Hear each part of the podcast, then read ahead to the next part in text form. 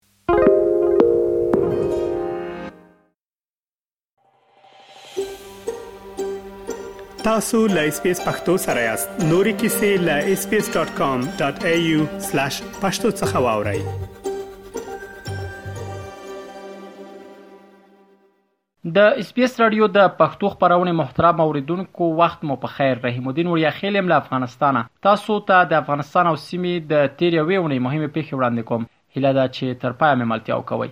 د بخښن نړیوال سازمان تیر اونۍ وویل چې په افغانستان کې د اعدام د حکمونو د پلي کېدا پر مهال نړیوال قوانین تر پخو لاندې شوي دي د بښنې نړیوال سازمان په دوه زره او دوه کال کې د اعدام د سزا په نوم خپل دې راپور کې افغانستان د هغو هیوادونو په ډله کې راوستی و چې په دوه زره او دوه کال کې د اعدام د حکم تطبیق پکې له سره پیل شوی. د بښنې نړیوال سازمان په خپل راپور کې افغانستان د داسې یو هیواد په توګه یاد کړی و چې پکې د یو عادي جنایت له امله د اعدام سزا تطبیق شوې په راپور کې راغلي ول، هغه شرایط چې له مخې تورن په اعدام محکوم شوی خپلسرې بڼه یې درلودله او دا حکم په جبري توګه په محاکمو کې پلی شوی دی. د بښنې نړیوال سازمان په خپل دې راپور کې ویلي ول چې تېر زېږدیز کال په افغانستان کې د اعدام یوه قضیه په داسې حال کې ترسره شوې چې مجرم کس د خلکو سترګو پر وړاندې په مرمۍ ویشتل شوی طالبانو بیا د بخښن نړیوال سازمان دغه راپور رد کړ او وی ویل دا راپور ناسم دی او په افغانستان کې هیڅ اعدام نه دی تر سره شوی مګر یوازې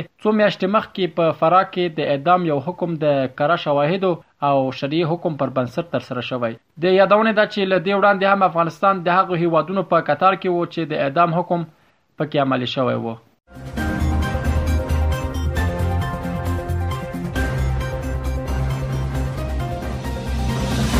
د امریکا د پوځ مرکزي قومندانۍ سنټګام تیر اونۍ وویل له افغانستان د احتمالي ترهګریزو ګواښونو د مخنیوي په هدف غواړي د دغه هیواد پر فضا خپل څار ډیر کړي د امریکا د پوځ مرکزي قوماندانۍ وویل دا څار ځکه زیاتوي چې په وینا یې اوس افغانستان کې د بالقوا یا احتمالي ترهګریزو ګواښونو د بشپړې مشاهدې امکانات نه لري د امریکا د مرکزي قوماندانۍ قوماندان وویل دوی د څار د زیاتوالي لپاره د جاسوسۍ داسې هوایي وسلې آزمایي چې ډیری مودې لپاره په هوا کې پاتې کېدلی شي د امریکا د مرکزي قوماندانۍ ونه ویل چې دغه څارونکې وسلې به څه وي خو د دوی د معلوماتو پر اساس په فعالیت کې به یې سیګنالونه او انساني ذهن شامل وي. د امریکا مرکزي قوماندان کانګرس ته په خپله وینا کې همداراز وویل چې طالبان داعش سره د مبارزې لوړه اراده لري خو دا وس نه لري چې د داعش د راتلونکي ترهګریزو بریدونو مخه ونیسي. د طالبانو حکومت د امریکا د دفاع وزارت د سرپلټونکي د اندېښنو او پر افغانستان د هغوی د څار د زیاتوالي په اړه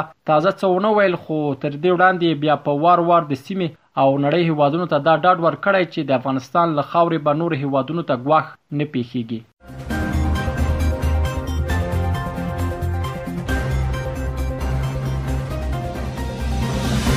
د طالبانو مشرتابه تیره اونۍ د یو فرمان له لارې د رئیس الوزرا سیاسي مرستیال مولوي عبدالکبیر د ملا محمد حسن اخوند پر ځای د سرپرست په توګه وټاکه. د طالبانو ویاند ذبیح الله مجاهد د یو لړ ټویټونو له لارې وویل چې ملا محمد حسن اخوند د معالجې او استراحت لپاره د لنډې مودې لپاره کندهار ته تللی او د دې لپاره چې د ریاست الوزرا د مقام کارونه له خنډ او ځنډ سره مخ نه شي د نوموړي سیاسي مرستیال مولوي عبدالکبیر د ریاست الوزرا د کفیل په توګه کارونه مخته وړي. ذبیح الله مجاهد وویل چې څوک دې په دې اړه اندېښنه نه کوي ځکه په وینا یې دا کار په حکومتوالۍ کې یو عادي چاره ده خو ځینې بیا دا اندېښنه لري چې د طالبانو ترمنځ ژور اختلافات شتون لري او دا کار د کندهار د طالبانو او حقاني شبکې ترمنځ د قدرت د تقسیم لپاره یوه هڅه ده. یو څه چې باید ووایم هغه دا چې ملا محمد حسن اخوند د طالبانو له هغو رهبرانو له ډلې وو چې تر ډېره یې د خپل رهبر ملا هیبت الله اخوندزاده د فرمانونو تطبیق څار او په ګڼو مسایلو کې نرمښت ونه ښود مګر مولوي عبدالکبیر چې تازه بیا د موقت رئیس الوزرا په توګه ټاکل شوی د ګڼو بهرنیو او لویدیځو ډیپلوماټانو او استازو سره لیدنې کړي. مولوي عبدالکبیر د پکتیا ولایت اوسیدونکی دی او د طالبانو په پخواني دوره کې د یو څه مودې لپاره صدراعظم هم پاتې شوی دی. هغه د طالبانو د لومړي رژیم تر نسکوریدو وروسته د مشرتابه شورا او له جمهوریت سره د دې ډلې مرکچي پلاوی غړی هم پاتې شوی دی.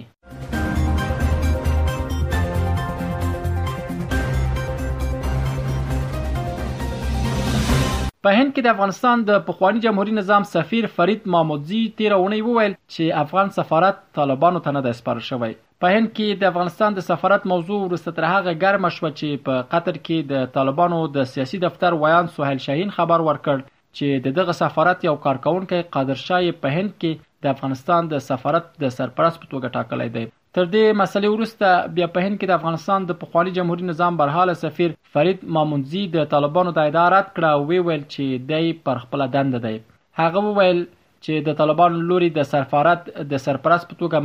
معرفي شوی ډیپلوماټ قادر شاه ته په دغه سفارت کې د مخکنۍ دندې دوام اجازه هم نه ده ورکړل شوې. د طالبانو له خوا معرفي شوي قادرشاه نومي هم له ځینو رسنیو سره په مرکه کې منلې چې سفارت ته نه ور پرېښودل کېږي. قادرشاه د جمهوري نظام پر مهال د ملي امنیت شورا ویاند په توګه هم دنده ترسره کړې. د یادونې ده چې په بهر کې د افغانستان ډېری ډیپلوماټیکې استازولۍ لا هم د افغانستان د تېر جمهوري نظام د ډیپلوماټانو په ولکه کې دي خو ایران، چین، روسیه، پاکستان، ترکمنستان او منځنۍ اسیا ځینو هېوادونو دا استازولۍ طالبانو ته سپارلې دي.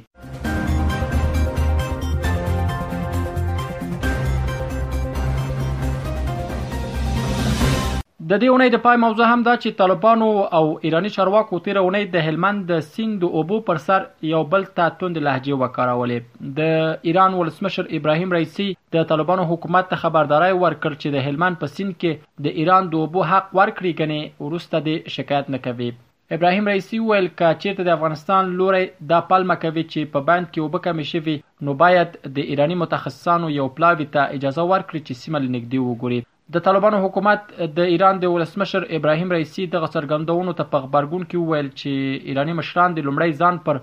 حقیقت وپوهوي او بیا دې په مناسبه ژبه خپلې غوښتنې مطرح کړي. طالبانو په خپله د اعلامیه کې ویلي ول چې د ایران حقبې ته ژمن دي خو په دې شرط چې د اوبو اندازه کافي وي.